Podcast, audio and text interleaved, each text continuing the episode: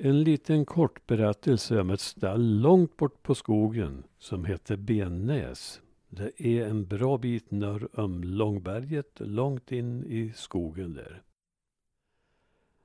Bennäs, ett mytomspunnet ödeställe, står det i rubriken. Värmlandsbygden den 26 oktober 2006.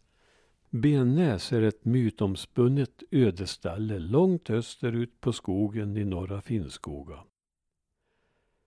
Gustav Skröder hade en del att berätta om folket på Bennäs och många senare berättelser fanns om benhaven som sades kunna stämma blod.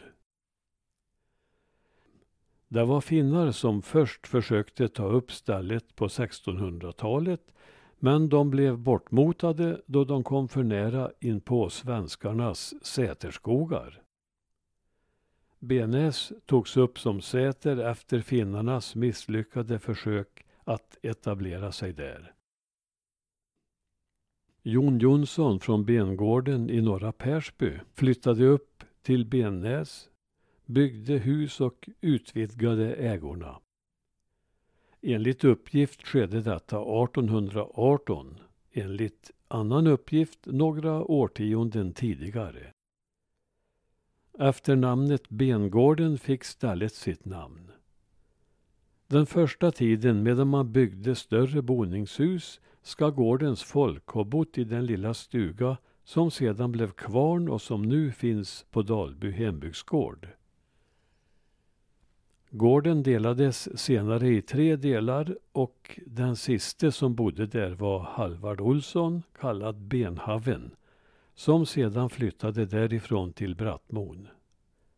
Bennäs blev åter säter i mitten av 1900-talet och Bennäs-Kajsa avslutade säterepoken 1962.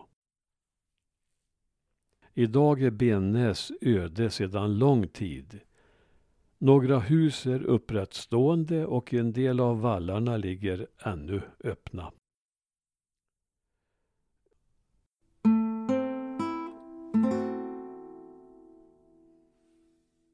Jag har skrivit en dikt om två bröder som bodde på Bennäs. De vart legendariska genom Gustav Skröders beskrivning av dem som storjägare, kraftkarlar och han har gjort en spännande beskrivning om deras björnjakt.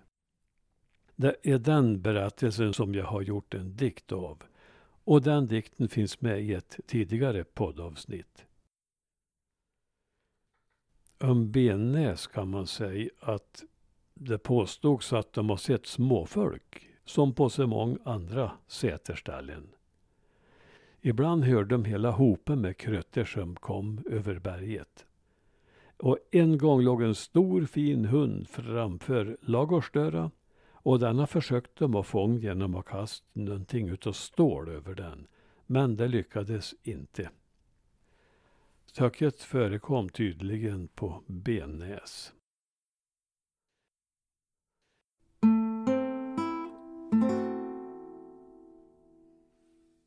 Jag tänkte läsa lite ur Gustav Skröders bok Minnen från skogarna.